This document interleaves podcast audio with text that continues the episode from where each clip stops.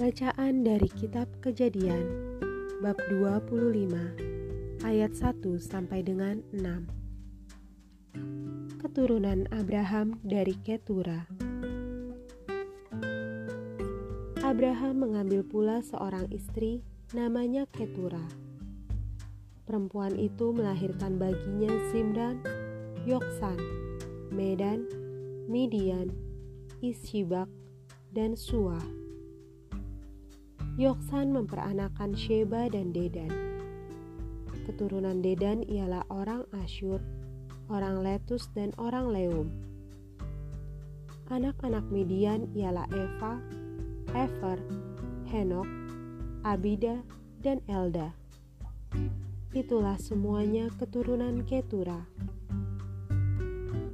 Abraham memberikan segala harta miliknya kepada Ishak tetapi kepada anak-anaknya yang diperolehnya dari gundik-gundiknya, ia memberikan pemberian.